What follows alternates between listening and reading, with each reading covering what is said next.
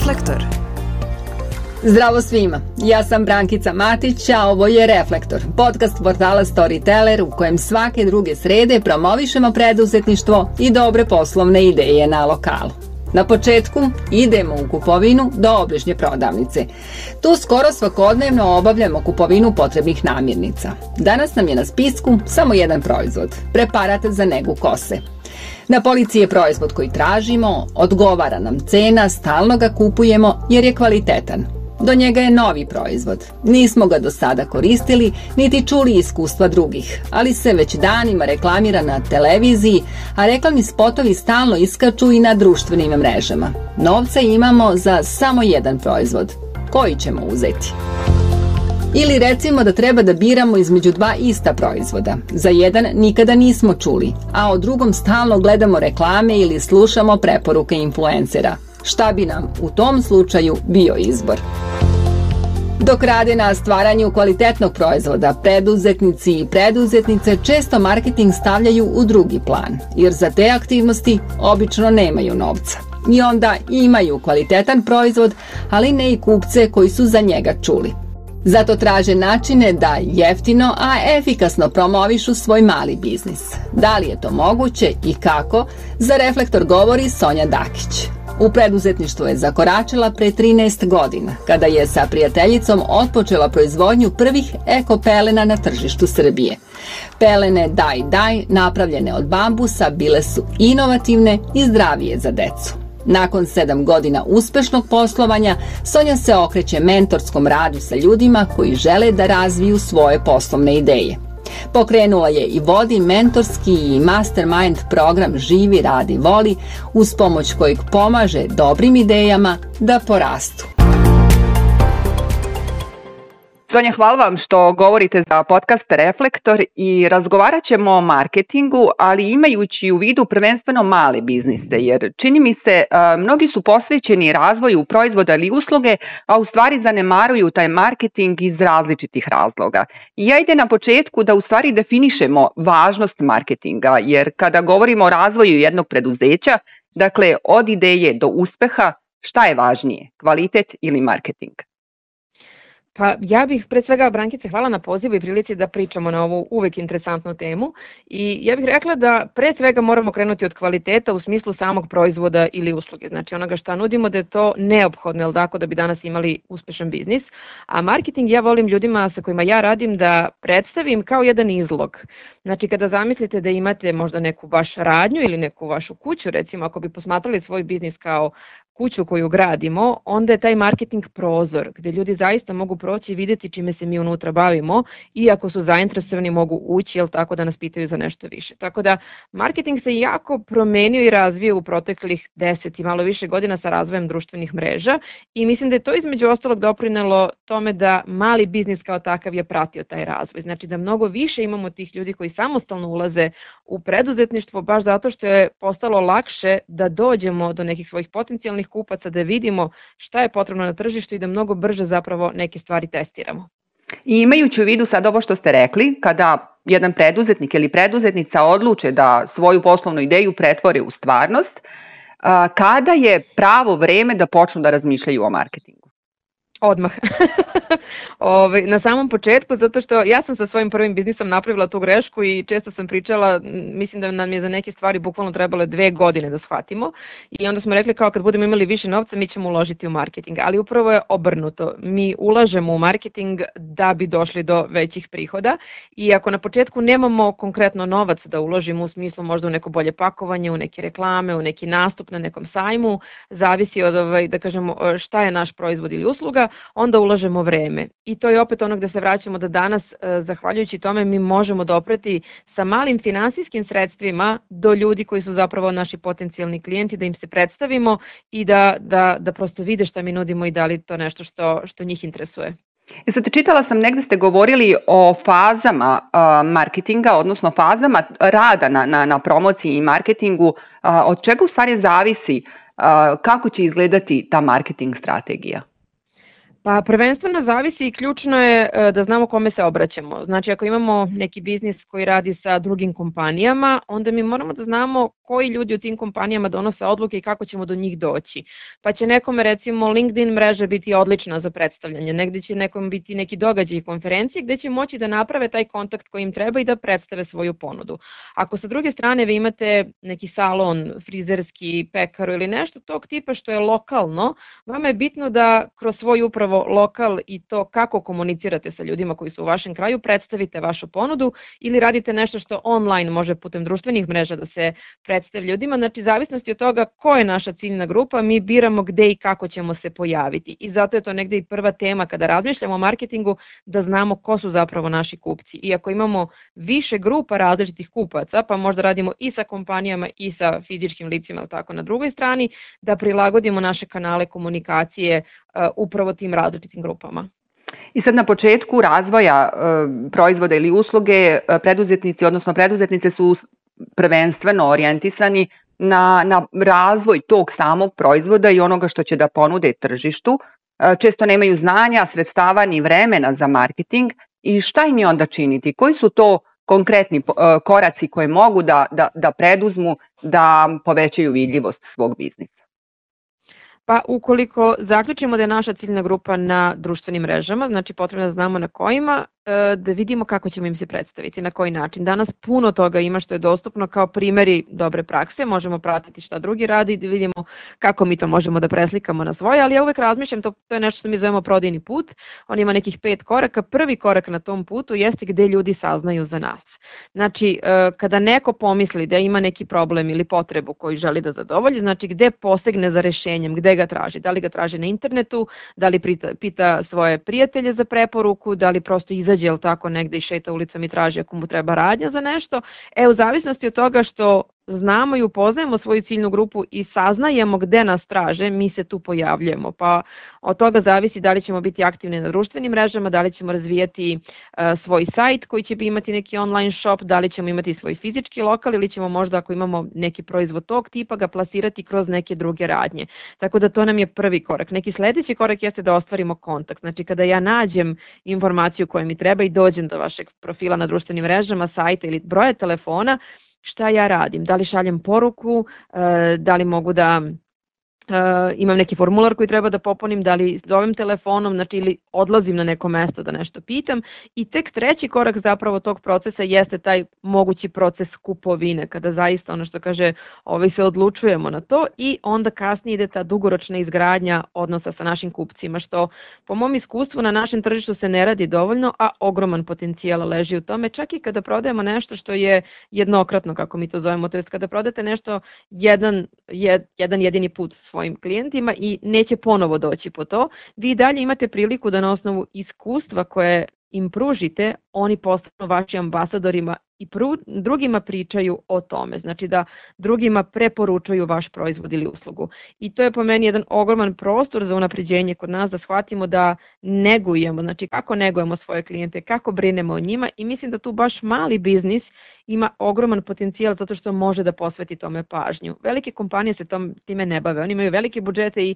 još uvek možda su više okrenuti tradicionalnom marketingu kroz neko oglašavanje čisto, ali mali biznis izgradnjom tog odnosa sa svojim klijentima zapravo može da napravi razliku i to najbolje možemo da vidimo na primjeru nekih uslužnih delatnosti kao što su uh, moleri, zubari, automehaničari, to najčešće nisu usluge koje ćemo mi tražiti na društvenim mrežama. Najčešće ćemo nazvati nekog od naših prijatelja i reći pitati da li imaš nekog majstora koga možeš da mi preporučiš. I to je ono dobar glas se daleko čuje. To su i dalje principi koji dan danas važe u biznisu.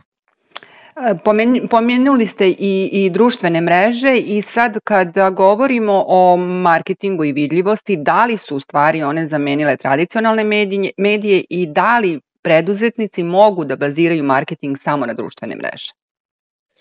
Opet ću ponoviti jednim delom ono što sam rekla, zavisi od biznisa, ali da, danas je moguće imati isključivo biznis koji uh, se promoviše putem društvenih mreža, isto kao, tako kao što je moguće imati pekaru koja nema svoj nalog na Instagramu i ne treba i zato što prosto ima dobro pecivo i komšije dolaze tu da ga kupe. Tako da zavisnosti od toga šta radimo i kome se obraćamo, zavisi će i to kako ćemo, gde da se pojavimo, ali da, društvene mreže su upravo doprinele tom razvoju uh, preduzetništva i malog biznisa kod nas, jer su nam omogućile i uštedele vreme. Ja se sećam kada sam sam ja počinjala da radim ove, 90. godina, jedini način kako ste vi dolazili do kontakta drugih ljudi je bio preko žutih stranica ili da vam neko kaže da poznaje nekoga ko radi u nekoj kompaniji. Danas je to zaista, što bi rekli, ono one Google away, znači jedna pretraga na internetu može da vas dovede do toga da nađete određenu osobu u određenoj kompaniji ili nekoga ko radi baš to što vama treba i da ostvarite taj prvi kontakt. Tako da društvene mreže su ogroman potencijal i to govori to što je sve veća i konkurencija i, i, i prilika da se neki novi biznisi potpuno pokrenu koji do pre neku godinu nisu postojali. Ali to opet znači da a, radu na društvenim mrežama u stvari treba da se posvete, nije dovoljno jedan post dnevno ili jedna fotografija ili neka objava, dakle tome, i tome moraju ozbiljno da se posvete.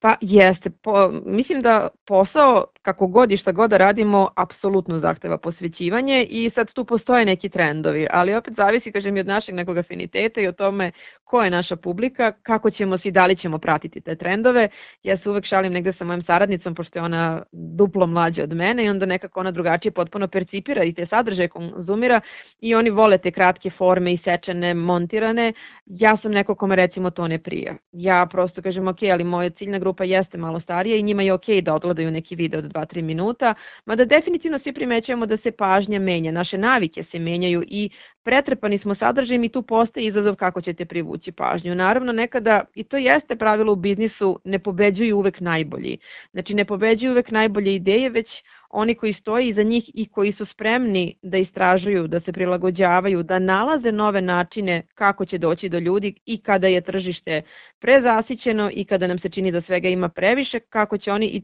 to se dešava na društvenim mrežama, se bukvalno dešava da se neko pojavi i za dva, tri meseca napravi neverovatno neku vidljivost zajednicu, broj pratilaca i uspeh, za razliku od nekoga ko je tu možda dve, tri godine i prosto još uvek nije našao način kako će to iskomunicirati. Tako da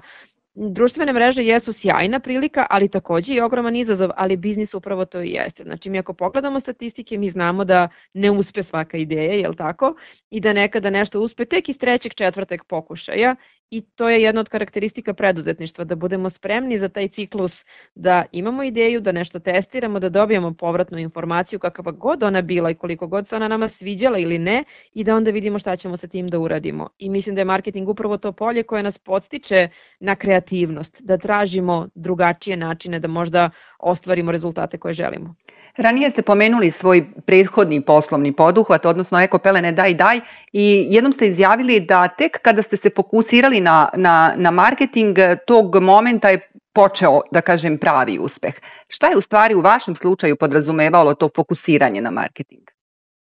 Pa konkretno, ja sam bila na mentorskom programu, ovaj, tromesečnom eh, programu za investicije u Beču i tu sam radila sa izuzetnim mentorima i oni su mi zapravo osvestili, to jer sam ja njima govorila kako ćemo mi da uložimo u marketing kada budemo imali pare, da su mi rekli ne, ali to funkcioniše suprotno, vi uložite u marketing pa onda dođete do više para. I ja sam tada donela odluku, pošto mi smo imali jedan inovativan proizvod koji nije postojao, znači mi smo ga donele na tržište i kada tako nešto radite što ljudima nije poznato ili prosto se razlikuje način kako će ga koristiti, znači donosi neku novinu, inovaciju,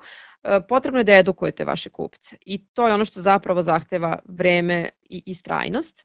I uh, ono što smo mi doneli tada kao nas dve koje smo vodile biznis kao odluku jeste da zaposlimo treću osobu i da taj marketing ne bude nešto što se sporadično dešava kada ja stignem time da se bavim od svih ostalih operativnih poslova, nego ćemo jednu osobu u trenutku kada ni nas dve nismo imale celokupne plate iz tog biznisa, nego smo radile nešto sa strane, jednu osobu koja će samo time da se bavi i da zaista se pobrine za, recimo tada je Facebook bio primarna mreža preko koje smo komunicirali i promovisale svoje proizvode, da budu ti postovi redovni, da se redovno promoviši, da se zaista napravi neki plan i strategija. I ono što je meni bilo fascinantno, kažem, eto, to je sad bilo negde 2014. godine, znači bukvalno pre 10 godina situacija je bila ipak malo drugačija na društvenim mrežama, mi smo za mesec dana potpuno, bukvalno smo za jedan mesec duplirale svoje prihode i nastavile samo da rastemo odatle. Ovi, znam da za godinu dana kada smo negde analizirale, dva i po puta smo uvećale kompletne prihode u svom ovaj, poslovanju. To je napravilo neverovatno, znači sam ta, ta ritmičnost i ta, to pojavljivanje redovno je napravilo tu razliku koja nam je trebala i naravno koleginica je zaradila svoju platu, našu platu i sve ostalo što treba. Tako da marketing zahteva posvećenost. Ne možemo jednom da se pojavimo i onda kao ne znamo kada ćemo opet, baš zato što je toga sve više i više. samo mislim da je jako bitno i da negde svi osjećamo malo preplavljenost u sadržaju, da je jako bitno da nađemo format koji nam odgovara i da vidimo da li je to format kojim našim klijentima takođe odgovara, da li oni reaguju na njega. Jer se može desiti da jako puno vremena ulažemo, čak imate profile koji imaju jako puno pratilaca, ako to gledamo kao neku meru,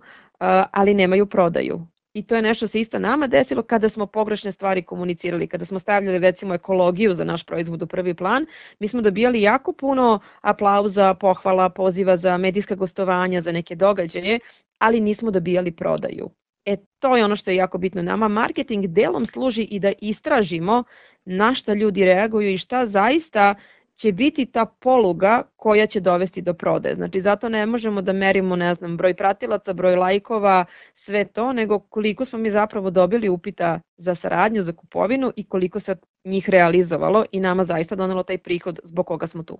I preduzetnici sad slušajući sve ovo što govorimo, u stvari će možda reći ja to ne znam, ja to nemam vremena i ja to ne mogu i kada odluče da angažuju nekog sa strane ko će da im radi marketing, kada to da rade i da li je to dobar potez, odnosno da li neko sa strane može na pravi način da predstavi njihov proizvod.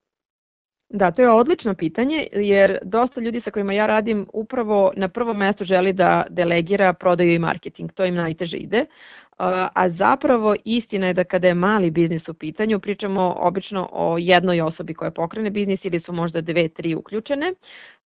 oni najbolje predstavljaju to što rade. Tako da kada je pravi trenutak, ja mislim kada makar prođe dovoljno vremena da su upoznali uh, svoje kupce da im je potpuno jasno zašto neko kupuje njihov proizvod i onda oni to mogu da izdelegiraju i da objasne nekom i da ga uvedu u svoj proces prodaje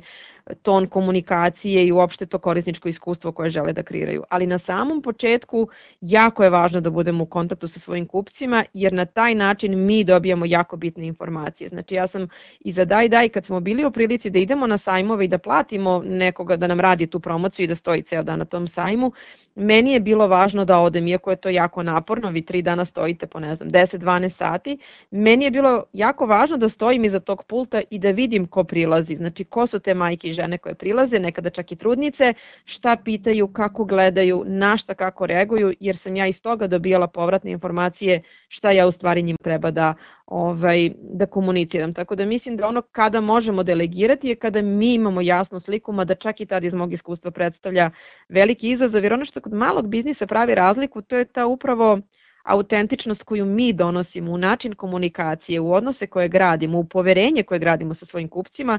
i to je teško izdelegirati. Vi možete nekog izdelegirati da vam napravi dizajn postova, ili, ali mislim da ta priča i to predstavljanje upravo to ko stoji iza tog brenda i za tog proizvoda, ovaj, te ponude, to je ono što pravi razliku i često odlučuje da li će neko nešto kupiti. Pomenula bih još jednu stvar, a sad ste, sad ste e, rekli, a to je u stvari taj neki lični kontakt e, sa, sa kupcima kroz različite događaje, da li su to bazari ili sajmovi, koliko je to u stvari malom biznisu bitno da se pojavi na takvim događajima? Pa za mali biznis koji ima proizvod, po meni je ključno. Ja sam dosta radila sa ženama koje rade kozmetiku, garderobu, neki aksesoar, nakit ili nešto tog tipa i mi prosto kao kupci mi volimo da dođemo da pipnemo, da pomirišemo. Znači potpuno je drugačije kada je tako to. I drugo, imamo i taj problem da uh, poštarina dodaje na ceni tog proizvoda i onda nekada ta poštarina bude trećinu ili čak polovinu cene tog proizvoda i to bude jako skupo i onda ljudima više odgovara da negde uživo dođu i kupe to što im treba, tako da po meni kažem jako su bili bitni ti susreti baš zbog toga što vidite ko vam prilazi, šta vas pita, imate ljudi koji prosto već već znaju, samo dođu i kupe i znate da vam je neka stara mušterija, imate nekoga ko će imati 10 pitanja za vas. Svako to pitanje koje vi dobijete zapravo je jedna ideja sutra za post ili za video koji ćete snimiti, ili znači, jer to što vas jedna osoba pita, sigurno postoji još 3, 4, 5 minimum osoba koji imaju isto to pitanje, samo se ne usuđuju da vam se javi ili da dođu, neće imati priliku. Tako da, po meni, za svakoga ko ima proizvodni biznis ili čak i ako ima uslužni, ali tog tipa da, da je u direktnom kontaktu sa kupcima, či to može biti neki studio za masažu, školica nekog boravka za decu ili nešto tog tipa, čak i za njih je sjajno da se promovišu na taj način, da dođu do većeg ovaj, broja ljudi, da testiraju kako ljudi reaguju, da demonstriraju kako nešto radi uopšte, zašto da ne. Ovaj, tako da meni uvek mislim da ne treba marketing samo da se svede na online, potpuno je drugačije kada uživo vidite ljude i kada možete da pričate i u krajnjem slučaju, posebno ako treba sa vama nešto direktno da rade, kada osete kakvi ste vi, kakvu energiju nosite, kako komunicirate, to je nešto što zaista može da napravi razliku. I za njih možda najvažnije pitanje, a koliko sve to košta? Odnosno, da li marketinga ima bez novca? Ima, ali ja uvek volim da kažem i to, to smo i mi radili, kada nemate novca na početku, onda ulažete vreme i danas to može zaista da napravi rezultate. Ima ljudi koji apsolutno bez ono što kaže uloženog dinara ili eura u plaćene kampanje ili u ne znam nija kakve ovaj, dodatne usluge mogu da naprave uspeh tome, ali onda vi uložete svoje vreme. Jako je bitno u biznisu da znamo da odredimo šta je neki trenutak kada neke stvari delegiramo, pa mi možemo da kažemo da smo angažovali nekog, ne znam, možda da nam uh, montira neke videe, da dodaje titlove, to, ali ih mi snimamo i dalje. Znači, najveći deo posla dolazi od nas, samo taj neki tehnički deo, jel tako, neko može da preuzme, a da mi znamo da se to nama isplati, jer s druge strane za to vreme mi možemo raditi nešto mnogo značajnije. Tako da mislim da je to ključno da budemo svesni gde se trenutno nalazimo. Nekada nam je lakše da neke stvari platimo da bi brže, jel tako, ostvarili, da bi postigli te rezultate, nego da se mi time bavimo. Ne moramo mi sve sami da radimo. Tako da to, ako nemamo novca za neke stvari u početku, onda prosto ulažemo vreme, učimo, napredujemo, gledamo šta možemo sa postojećim resursima, znači da ne moramo svuda da budemo, ne moramo svim formatima, šta je ono gde sa najmanje uloženog e, vremena možemo zapravo da napravimo najveći uticaj i ako pričamo o kreiranju nekog digitalnog sadržaja, ja uvek ljude usmeravam kako mogu da kreiraju sadržaj koji traje. Instagram recimo kao mreža, on je dosta instant i na primjer vi se nikada nećete vratiti na moj profil iako tamo ima preko 1000 i nešto, 1200 ja mislim objava, niko se verovatno neće vratiti na moje objave od pre 6 meseci da ih čita iako tamo ima sjajnih stvari, ali onda za te stvari koje su vredne ja ih mogu pretvoriti u druge formate koji će biti dostupniji, da li na mom sajtu kao neki tekst, da li na mom YouTube kanalu kao neki video, da li kroz moj podcast. Znači sve su to sad neki formati različiti koje mi danas imamo i gde se prilagođavamo zapravo da pravimo neku digitalnu biblioteku, bukvalno sadržaja, kojim će naši kupci iznova moći da se vraćaju. I to se recimo dešava zašto je podcast format negde i zaživeo kao takav, zato što neko dođe na vaš kanal, odsluša jednu, emisiju i onda mu se dopadne to i onda krene unazad bukvalno da sluša i nekad se vrati na sadržaj od bukvalno pre godinu dana, a onda vi možete da napravite neki izdvojeni segment koji se tiče određene teme pa izdvojiti baš epizode koje su za to i to je po meni neka budućnost kako i treba da idemo. Šta o marketingu i alatima koji će preduzetnicima u stvari pomoći da dođu do svog dela tržišta, oni mogu da nauče kroz program Živi, radi, voli?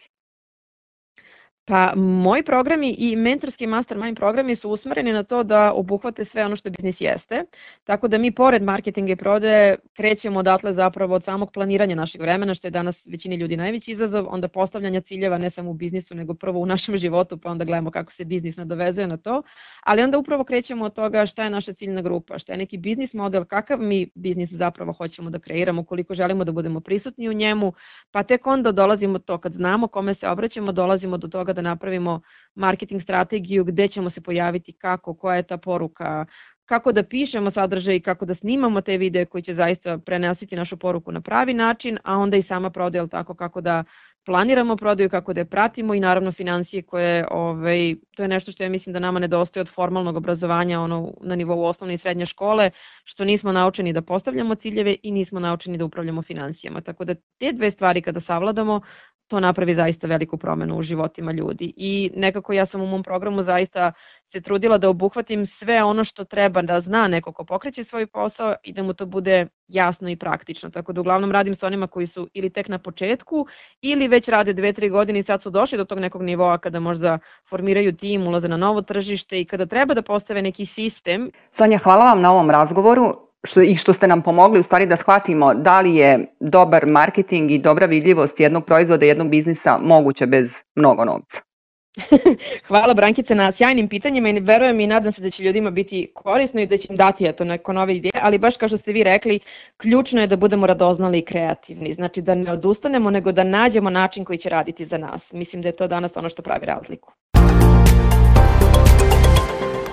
Za više priča o dobrim preduzetničkim idejama posetite portal Storyteller, a podcast Reflektor možete slušati i na našim profilima na Facebooku, Instagramu i LinkedInu. Pridružite nam se i u Viber grupi Storytellerov Reflektor.